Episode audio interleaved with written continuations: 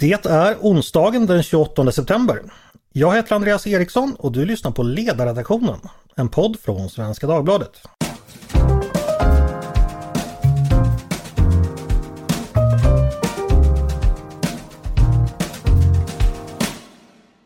Varmt välkomna hörni! Centerpartiet försöker återhämta sig efter ett val eh, som innebar ett nederlag i flera avseenden. Dels backade ju partiet eh, med nästan 2 och dels fick ju det regeringsalternativ som partiet gick till val med eh, en minoritet av rösterna. Partiledaren Annie Lööf har aviserat sin avgång och därmed inleds ett nytt kapitel i partiets historia. Vad kommer då det handla om? Eh, vi kommer kanske inte kunna skriva det i podden just idag men vi ska i alla fall ge er som lyssnar förhoppningsvis en liten preview om vad som väntar nu när vi vänder blad. Med mig för att göra det har jag tre väldigt centerpartistiska gäster, nämligen Julia Eriksson, ordförande för Centerstudenter, Elisabeth Thand Ringqvist, nyvald riksdagsledamot för partiet, samt Olof Jonmyren, politisk redaktör på, som man brukar säga, C-märkta Sörmlands Nyheter. Varmt välkomna alla tre! Tack så mycket! Jag tänkte börja, försöka börja från början. Tänkte börja med dig Elisabeth. Du är sagt nyvald i riksdagen men har ju en lång karriär i andra roller inom Centerpartiet bakom dig. Eh, vilka slutsatser har du hunnit dra av valresultatet och det som har hänt efteråt så här långt? Ja, först och främst att det är ju, jag har varit med om betydligt sämre valresultat. Eh, och eh, jag började i satt i partistyrelsen i slutet på 90-talet och början på 2000-talet. Då var ju här, då var det här toppenfina siffror eh, på totalen. Eh, jag kan också konstatera att då, alltså 20 det har också skett en så stor förändring såklart i att vi nu, alltså 2002 till 06 så hade vi ingen ledamot från Stockholm överhuvudtaget. Eh, nu har vi tre. Också för att det finns lite fler, några fler mandat i Stockholm idag eftersom befolkningsförändringen ser ut så. Eh, kan också konstatera att i, där, där, från jag är vald just nu så är jag, bo, bo jag i, i det som heter Bromma Kungsholmen. Där lever vi i någon sorts värld där, där Centerpartiet fortfarande är större än Sverigedemokraterna. Medan i mitt mm. hemlän eh, Jämtland så har det gått eh, mycket sämre för alla allianspartier. Eh, och jag tror att det, och det har skett under väldigt lång tid, sedan 2006 och eh, framåt så har eh, väljare fortsatt rösta på Socialdemokraterna faktiskt, men eh, lämnat många allianspartier och eh, gått över till SD. Ehm, och eh, om jag ska säga någonting om vad, vad, jag tror att det beror på, eh, så tror jag att det är att under en, under en lång tid så, har landsbygden känns bara många farhågor om hur framtiden ska vara. Det är mycket som handlar om att man känner sig förbisedda och förfördelade. Eh, och eh, det är någonting som både Centerpartiet som värnar landsbygden men också eh, generellt sett i samhället att vi måste förstå att Sverige utvecklas eh, i väldigt olika takt på ett sätt som vi inte har gjort tidigare. Mm. Vi, vi, ska återkomma till det. Eh, du började nästan där som en folkpartist. Brukar göra så här att jag har varit med om mycket, mycket värre. Det, det brukar de alltid svara när man undrar över dåliga eh, siffror.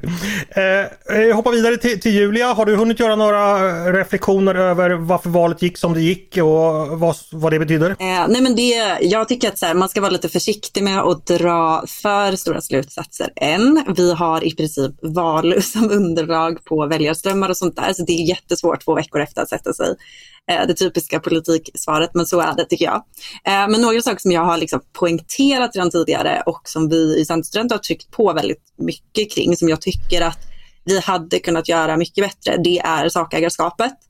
Eh, och där ligger vi i en sämre position än vad vi hade kunnat göra. Jag tänker framförallt på klimatfrågan där vi inte ens ligger på topp tre längre och det borde vara given ambition och någonstans en målsättning i en valrörelse att gå in i den med det förtroendet i klimatfrågan som är väldigt viktigt för vårt parti. För att förklara för lyssnarna, sakägarskap det innebär helt enkelt att väljarna ska betrakta er som bäst på en ja, fråga? Är det som avses? Äh, inom ett sakpolitiskt ja. område. Ja, förlåt, fortsätt. Ja. Och ja. där tror jag att det är lite så här, det är därifrån man måste jobba för att vi, det pratas ju väldigt mycket om så här, ja men det finns väldigt tydliga problem som folk upplever i sin vardag i den här valrörelsen och speciellt kanske i sluttampen med både så inflationen, Eh, Eh, vi har gängkriminaliteten, vi har ja, men ett krig i Europa som påverkar oss och vi har energikris. Eh, och där så handlar det väldigt mycket om att har man inte förtroende från väljarna i, för de viktiga frågor så är det väldigt tungt att börja i en valrörelse. Alltså jag tror att vi måste bredda oss sakpolitiskt eh, och det har jag pratat om tidigare. Men det gör faktiskt att man har det bättre förspänt i en valrörelse också när det kommer upp frågor som kanske ingen hade kunnat förbereda sig på lite. Sen en slutsats som jag tycker är och som jag verkligen tror eller vet att flera skriver under på i mitt parti. Det är ju lite så här alla borgerliga partier tappar. Eh, alltså det är dåligt dålig medvind för liberal borgerlig politik just nu. Och det här är ju en fråga som man verkligen kan ställa sig lite. Vad har det kommit ifrån och vad behöver vi göra där? Och där tycker jag att Centerpartiet verkligen har ett ansvar nu som liberalt borgerligt men självständigt parti att lite plocka upp den visionen och framförallt kanske de sakpolitiska förslag som är väldigt, väldigt viktiga eh, liberala sådana, men för samhällets utveckling och som vi vet har gynnat våra samhällen. Eh, och det här tycker jag att man har eh, slarvat med i valrörelsen. Okej, okay, eh, vi ska också återkomma till, till de här sakfrågorna. Eh, stort plus både Elisabeth och Julia för att ingen av er sa jag vill inte föregripa eftervalsanalysen, vilket man ofta får höra från politiker. Flexibility is great. That's why there's yoga. Flexibility for your insurance coverage is great too. That's why there's United Healthcare Insurance Plans. Underwritten by Golden Rule Insurance Company, United Healthcare Insurance Plans offer flexible, budget friendly coverage for medical, vision, dental, and more. One of these plans may be right for you if you're, say, between jobs, coming off your parents' plan, turning a side hustle into a full hustle, or even missed open enrollment. Want more flexibility? Find out more about United Healthcare Insurance Plans at uh1.com. Olof, får vi höra från ledarskribentredaktionen lite från snett från sidan som vi sitter. Hur har du, vad har du uppfattat från eftervalsdebatten nu när den börjat knapra igång så smått? Är det något speciellt du vill sätta, in, eh, sätta fokus på? Jag vill inte föregripa eftervalsanalysen. Nej, skämt åsido. ja, det är bra. Eh, så här är det. Det finns, som jag ser det, ingen, ingen given enighet än och det är inte att förvänta. Centerpartiet gillar metodiskt arbete. Det är liksom ett folkrörelsetecken om man säger så. Men några faktorer är återkommande och de är uppenbara. Tillbakagången i traditionellt starka landsdelar som Elisabeth tog upp. Det är, det är klart att det oroar och det förbryllar. Det måste man ta på allvar. Eh, sen ska man ju också säga så här att eh, när man ser minussiffror, även om de i en historisk kontext inte är katastrofala, eh, så blir det ju lätt att man skyller på ledaren. Men det, det, verkar inte riktigt få det, ett sånt där omfattande bett som jag ser det. För att man ska komma ihåg att de allra flesta som verkade för Centerpartiet i den här valrörelsen stod upp lika övertygade som Annie Lööf bakom avståndtagande till SD exempelvis och de vägval som följde där. Um, mm. Så eftervalsprocessen kommer att hantera lika mycket om vad var och en känner att man kan ändra eller behålla av det ställningstagandet. Det tror jag. Mm. Men att man inte ger sig på ledningen kanske inte är så konstigt med tanke på att ledningen lämnade ju in bara några dagar ja. efter valet. Alltså, och det, det, kanske var det. Det hade kanske sett en annan debatt om det inte hade varit så. så. Göran Persson avgick på valnatten, eh. Fredrik Reinfeldt likaså. Det är klart att det, det, minskar ju kritiken. Det är klart, det finns ju inget mm. kvar att skälla på. Fast stackars Reinfeldt har ju blivit ja, skälld på ändå. Finns, eh. vissa öden går inte att eh. undvika uppenbarligen. Nej. Men vi kan väl dröja lite vid Annie Lööf. Eh, Elisabeth, blev du förvånad när hon avgick eh, så snabbt efter valet? Ja, det blev jag. Mm, varför det? Eh, nej, alltså det var väl en... Eh, det var inte ett... Eh, har, jag har ju varit tillbaka i politiken nu i alltså, ett och ett halvt år eh, som vice ordförande mm. i Stockholmsdistriktet. Eh, och jag, så jag har varit med på många interna möten. Det, har inte funnits, det, det som har sagts utanför har inte varit, det, det har inte funnits någon kritik mot henne utan det var en ganska stor enighet. Men och jag hade väl tänkt att hon kommer inte sitta för evigt. Det verkar kanske rimligt att hon går om vi nu sitter i opposition liksom, den här närmaste fyra åren. Att hon skulle gå så omedelbart var väldigt oväntat. Mm. Eh, Julia, vad innebär det här för eftervalsdiskussionen och framtidsdiskussionen? Eh, innebär det att säga, spelbrädet blir öppnare än det hade varit annars? Ja, men det tror jag. Alltså, Annie har ju poängterat själv att hon vill ha, för det första, en väldigt öppen process. Alltså, hon pratar ju om eh, tillbaka liksom på eh, från 2011 när hon valdes, när man hade ett öppet race och där kandidater fick vara ja, men, väldigt tydliga med deras prioriteringar. Eh, och det tror jag är någonting som kommer prägla eh, det här partiledarskiftet också, och med det också ge utrymme för att så här, de nya kandidaterna behöver profilera sig kring vad de vill göra och med det så kommer givetvis en förändring. Eh, och jag tror också att alltså ett partiledarskifte är ju liksom mer än att det bara är en partiledare som byts ut och uttrycker sig på ett annat sätt. Alltså det innebär ju troligtvis, nu har vi liksom, det är en extra stämma vi har, men troligtvis betyder det ändå att det kommer finnas förändringar på både organisatorisk men också liksom sakpolitiska prioriteringar, inriktningar. Eh, och det känner jag, jag tror att det är en, liksom, en förändring som väldigt många ställer upp på och tycker är viktig. Att den som kliver in som ny partiledare i Centerpartiet måste få göra, få göra sin grej. Liksom Annie fick göra sin grej när hon klev in 2011. Så jag tror att det här öppnar def definitivt upp förutsättningarna för ja, men förändringar, förnyelse i partiet. Mm. Eh, Elisabeth, hur mycket är dagens Centerparti Annis grej? Eh, enligt Olof finns det en bred enighet bakom henne. Är det också din uppfattning eller hur mycket har hon skapat det parti som är idag?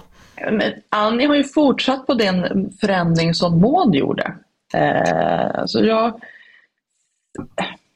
det är en naturlig förändring. Alltså det vi gjorde då på eh, liksom början på 2000-talet var att definiera Centerpartiet som liberalt. Eh, och det har ju varit ett ganska långt projekt att, att på olika sätt eh, manifestera också vår politik i olika liberala frågor.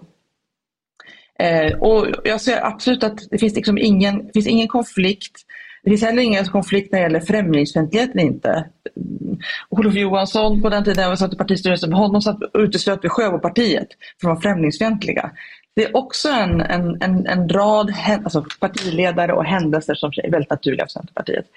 Det som jag tror att vi har fastnat i lite grann, som jag ser det från utsidan, det är att i vi har pratat väldigt mycket liberala symbolfrågor på slutet som inte riktigt har landat i det som Julia är inne på, så här, vad människors problem i vardagen.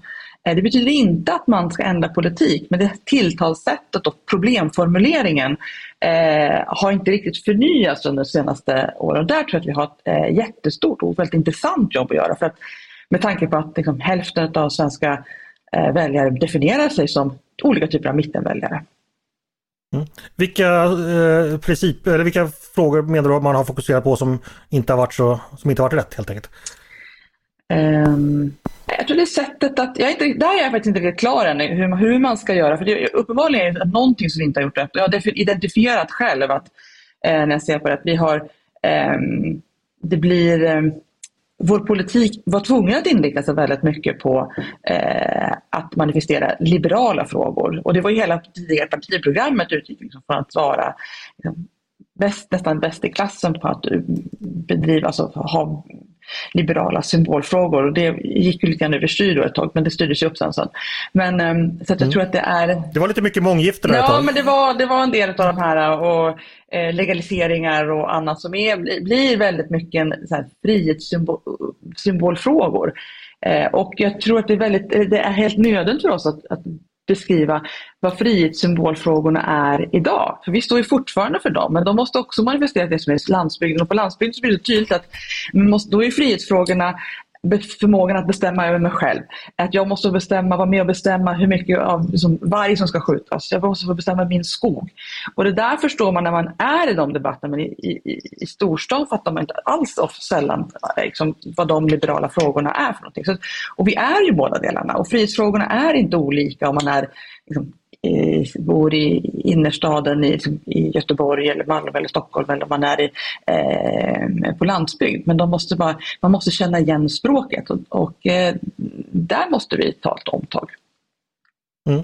Vi ska titta just nu framåt och Elisabeth du har redan varit inne på det två gånger och jag vet ju att den debatt som har börjat komma igång har ju handlat just om det här partiets ställning på land respektive, respektive i stad. Eh, Alltså kall, kall, vad landsbygd och vad stad är, det brukar vi vara lite olika definitioner på. Men man kan i alla fall titta på det som kallas landsbygdskommuner och mindre tätorter i Sverige. Då har Centerns stöd halverats ungefär på en generation kan man säga. Från ja, 20-25% till 10 procent idag. Eh, där har också Sverigedemokraterna växt till till ungefär eh, ja, 25 procent idag.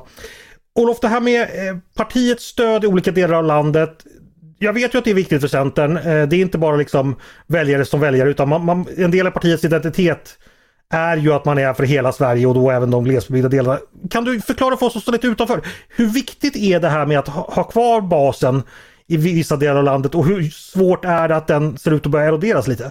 Eh, man ska, jag tror att man måste börja i varför bildades ett parti? Var, vad, var, var grunden till att ett parti uppstod? Alla partier har en grundläggande idé om varför de finns. Bondeförbundet som sedan blev Centerpartiet, det bildades så att säga som, vilket Elisabeth just lyfte fram, alltså det här som de privata jordbrukarna och skogsbrukarnas värn. Det, på den tiden hette det mot storfinansens truster och oligopol och mot socialismens glufs-glufsiga förstatligande. Det var, det var liksom den egna privata aktörens kamp mot större makter i sin omvärld. Det, det var liksom det som bar partiet. Och det där är partiets DNA fortfarande, även om liksom det agrarsamhället som fanns rester av då, idag inte liksom finns på det sättet som var då på 1920-talet. Men, men, men det här är så att säga kärnan i varför man formulerar politik och det är därför det är så viktigt att man inte tappar förankringen i vad vi kan kalla då landsbygdsmiljö eller mindre tätorter med längre avstånd till större städer och så vidare. Det, det, det, det blir liksom den delen av, ska jag säga, jämlika förutsättningar var du än bor. Det, det är liksom det som bär Centerpartiet framåt. Man paketerar det på olika sätt och man, man för, väljer förslag på olika sätt. Men i grund och botten, det är där grundandan finns. Därför är det så viktigt. Vad säger ni andra? Är det partiets DNA, eh, Elisabeth?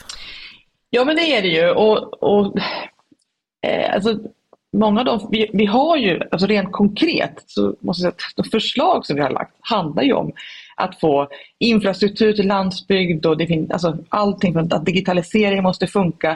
För det är klart att man blir förbannad när man vet att, när Telia klippte av ledningen man inte skulle ringa 112 eh, som det var hemma hos, eh, hos mina släktingar i norra Jämtland.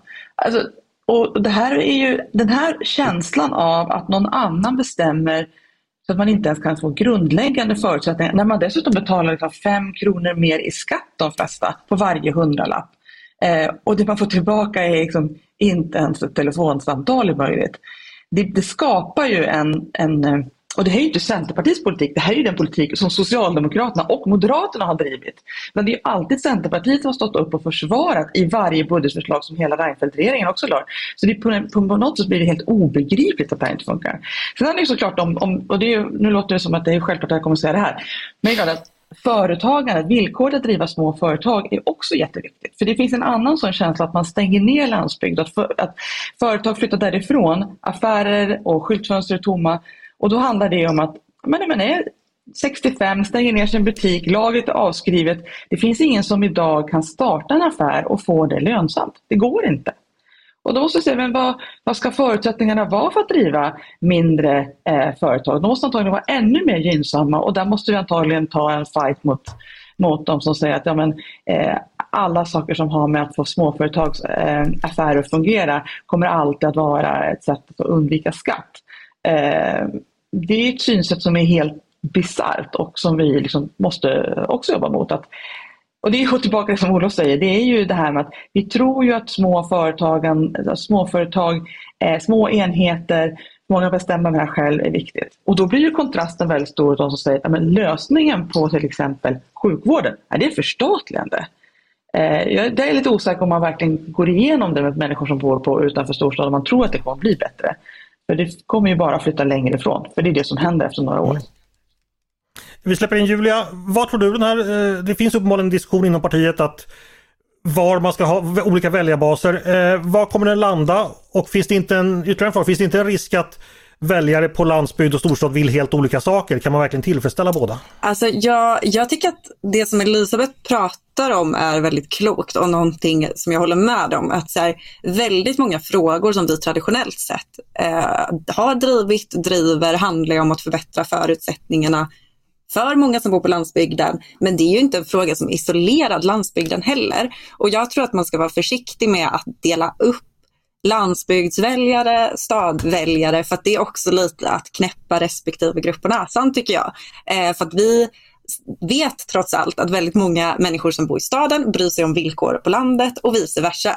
Eh, så ser det ut. Liksom. Sen så har vi mm, kopplat det här med sakpolitik att man behöver lägga förslag som folk faktiskt känner så här, de här kan göra skillnad i min vardag.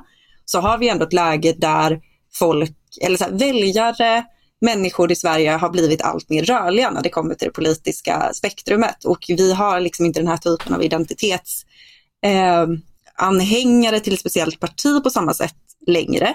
Men där är ju också, alltså den här distinktionen kring så här, vad är landsbygdsväljare, vad är ett landsbygdsparti och så vidare. Generellt så har ju S också varit jättestora i landsbygdskommuner, tätorter. Det är ju inte att de är ett landsbygdsparti, eh, tycker inte jag. För de har inte det synsättet som vi har kring eh, frågor som förenklar att leva på landsbygden eller utanför tätorter eller i tätorter till och med i många fall.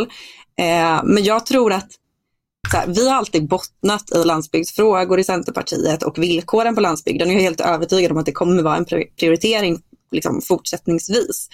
Sen tror jag att vi behöver bli mycket bättre på att ja, men, ta de här frågorna kring, om man pratar så här, värderingar, vi, vi gillar att prata liberala värderingar.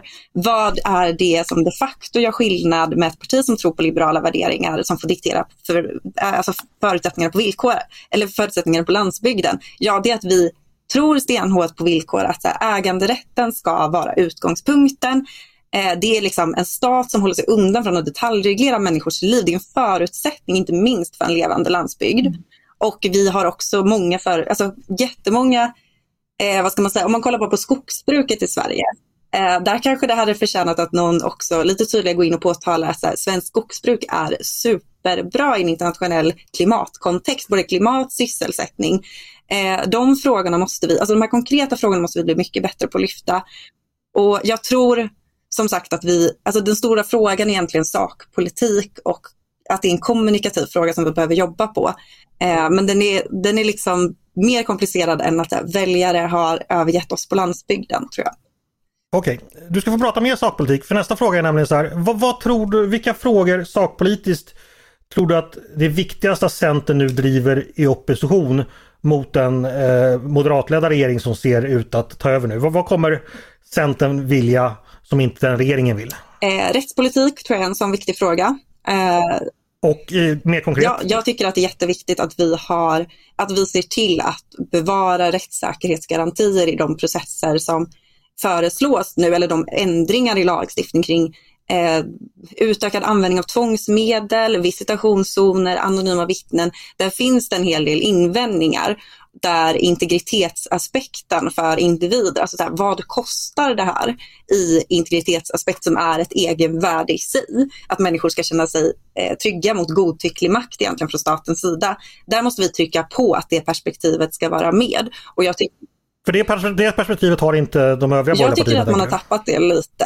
Eh, jag tycker att, så här, jag, jag, förstår definitivt frågan. Det här handlar ju egentligen inte, vill du göra mer saker på krim, alltså för, vill du ha straffhöjning eller inte? Utan det här handlar ju om vilka, eh, vilka värden man sätter liksom mot varandra. Och jag tycker att man tappar integritetsperspektivet. Jag tycker man tappar perspektivet individens rätt gentemot staten och i alla jag, är liksom, jag förstår att alla partier kommer inte landa exakt lika. Det är därför vi har flera olika partier, för att alla har principiella avvägningar. Men jag tycker att Centerpartiet har en jätteviktig roll i att liksom värna sin ståndpunkt där. För att vi är ganska ensamma om det perspektivet just nu upplever jag. Och jag tycker också mm. att klimatpolitiken är en sån fråga där vi verkligen måste ligga på och det handlar framför allt eh, kring, om man kollar på lite så här, hur Sverigedemokraterna uttryckt sig kring klimatpolitik också, hur de ja, men egentligen inte har några konkreta förslag på det här området. Det är ändå största partiet i det blocket. Så jag, jag tycker att det är en jätteviktig fråga att, som vi faktiskt har allt att tjäna på att verkligen försöka vara ja, men en kritisk opposition kring. Eh, jag ser också mm. att arbetskraftsinvandringsfrågan, eh, det är en sån superviktig, där man i princip från Moderaternas håll har lagt sig väldigt nära Socialdemokraternas syn på arbetskraftsinvandring, att det i princip nu går man inte tillbaka och föreslår en arbetsmarknadsprövning som det var förr vad jag vet, utan det man har föreslagit är ett väldigt högt lönegolv. Och kollar man bara i det perspektivet som jag ofta har med mig med, typ, med studentperspektivet. Vi har liksom folk som skulle kunna få ja, så här, inte ha tillräckligt med lön att stanna i Sverige om de får en doktorandanställning för att man sätter ett lönegolv som är jättehögt. Eh, och där har man en ganska Jag tycker att det är ett beklagligt perspektiv från en högerregering som man har skaffat sig kring arbetskraftsinvandring. Toppen, vi vänder oss till Elisabeth. Eh, klimat, eh, rättspolitik och arbetskraftsinvandring var Julias förslag. Vad hoppas du att Centern ska driva i opposition mot den högerregering vi ser framåt gå, gå mot nu? Jag måste bara upprepa klimat. Jag tycker att eh, högerblocket låter allt mer raljant kring klimatfrågor. Eh, och när mm. jag som kommande från näringslivet vet att, att det, man driver det väldigt hårt. Eh, så jag vet inte riktigt vad de får sin inspiration där. Eh, småföretagarfrågor. Jag vet att det finns ingen, inget parti i en regeringsställning som jag har varit med i som har prioriterat dem. Infrastruktur för hela landet eh, är också en sån fråga som kommer vara både digital och fysisk som kommer vara jätteviktig att eh, hantera.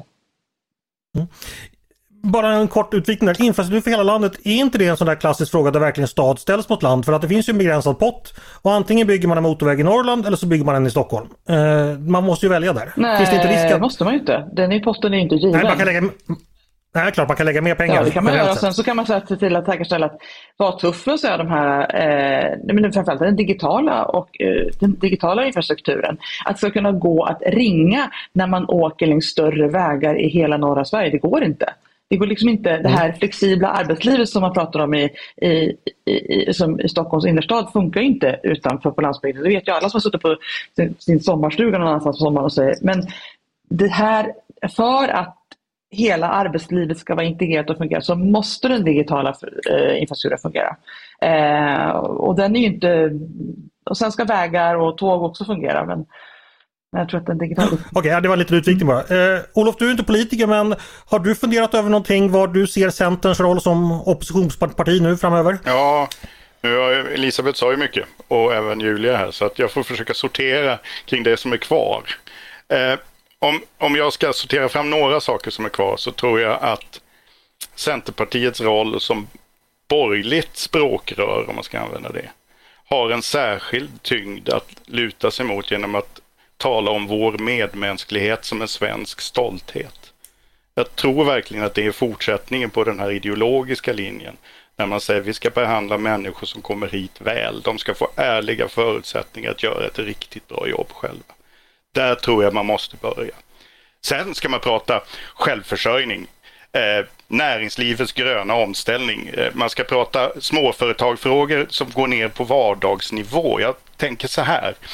Centerpartiet hade på slutet under den här valperioden, mandatperioden utarbetat riktigt bra uppställning med, med, förslag som handlar bland annat om att motverka de här stöldligorna som plågar småföretagare både på landsbygd och i städer. Inbrotten på byggarbetsplatser, i företagsbilar och så vidare. Där, där liksom det här eviga nötandet och urgröpandet av trygghet som många företagare ställs inför det är något som tror jag hade gynnat Centern att få mer utrymme i, i, kommunikationen inför det här valet. Och det finns ingen anledning att släppa, det, eller släppa den frågan utan gå fram ännu hårdare på det där. Det ska, du, ska, du ska kunna vara företagare i allt ifrån norra Sverige till centrala Stockholm utan att vara orolig för din egendom varje dag och varje natt. Mycket klokt. Hey, I'm Ryan Reynolds. Recently, I asked Mint Mobile's legal team if big wireless companies are allowed to raise prices due to inflation. They said yes. And then when I asked if raising prices technically violates those onerous two-year contracts, they said, "What the f*** are you talking about? You insane Hollywood ass." So to recap, we're cutting the price of Mint Unlimited from $30 a month to just $15 a month. Give it a try at mintmobile.com slash switch. $45 up front for three months plus taxes and fees. Promoting for new customers for limited time. Unlimited more than 40 gigabytes per month. Slows. Full terms at mintmobile.com. Vi ska förstås prata Sverigedemokraterna också. Eh, inget annat parti har väl definierat ett parti så mycket som Sverigedemokraterna har definierat Centern eller tvärtom de senaste mandatperioderna. Eh, det som jag kan säga så här, för mig som utomstående har varit lite svårt att förstå. Det är ju det här med att Centerpartiet har sagt att man inte ska samverka med Sverigedemokraterna. Vilken politik den kommer ut av det utan liksom bara samverkan i sig är per definition dåligt. Är det någonting ni tror, kommer den linjen att fortsätta eller kommer man mer börja övergå till att ja, men om, om sakpolitiken är bra kan man samverka med vem som helst? Eh, vad tror du Elisabeth? Samverka, alltså Nej, jag tror inte att vi kommer att vara, eller så här, vi kommer inte att partiledarvalet är inte ett val för eller emot en person som, handlar, som, som gillar SD eller inte. Um, Nej, jag sa inte gillar, jag sa att man accepterar att om ja, Sverigedemokraterna tycker samma som oss så... Ja, accepterar, men när eh, vi var i ehm, eh, man har ju röstat på samma saker. Det, här är så, det finns en sak som handlar om förhandla och där går det en väldigt skarp gräns. Och jag tycker att så här, journalister och annat, så här, när jag har varit på utsidan, är så himla slarvig med att när man, när man gör någonting, man samarbetar, man ger och tar, då har man en förhandling. Och det är där den stora gränsen går. Det har inte aldrig handlat om om någon pratar med någon eller inte. Eh, Nej men okej, men, men vad man har sagt är att vad som än kommer ut ur en förhandling med Sverigedemokraterna är, kommer vi inte förhandla för det som kommer komma ut därifrån är dåligt. Man, vill, man förhandlar inte först och ser, sen väger vi för eller emot den politiken. Man säger vi sätter oss inte ens, ens i förhandling.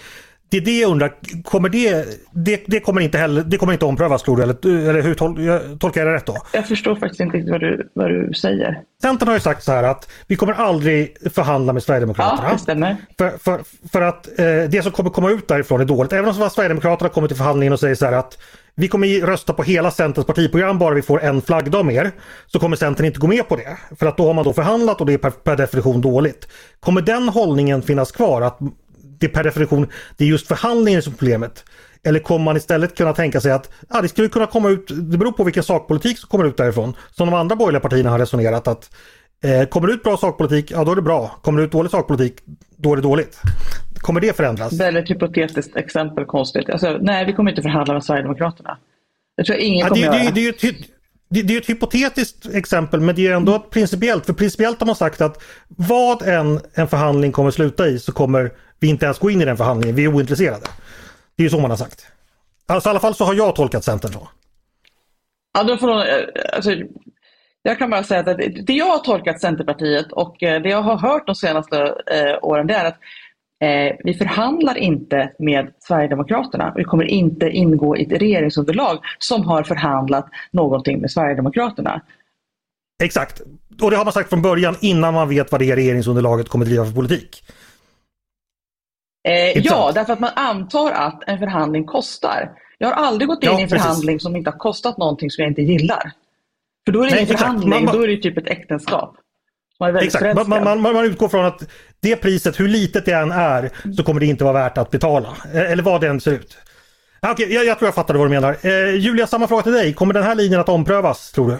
Ja, men alltså, jag tänker att jag ska, svara på, jag ska svara på din fråga, men jag tänker också att det är viktigt att poängtera liksom att så här, ja, det här med liksom att vi aldrig skulle kunna samverka om någon politik eller rösta på samma Alltså det är nog inte en helt korrekt bild för att så här, Sverigedemokrater och Centerpartister har ju röstat på liknande sätt i voteringar. Liksom.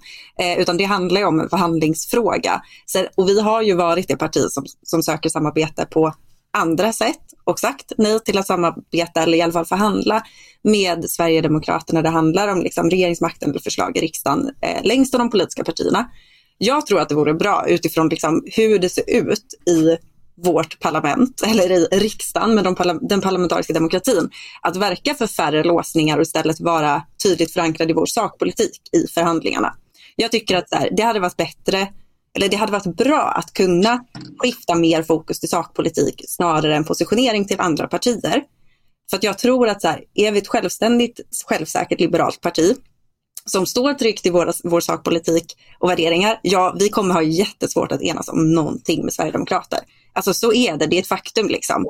Men ja. som princip så ställer jag mig inte emot att sakförhandla politik i ett initialt skede där man säger att så här, går det åt skogen eller, eller så här, ja, men, säg ditt exempel till exempel så här. Sverigedemokraterna säger att de vill ha en nationell flaggdag mot att vi får ja, igenom exakt. all vår politik.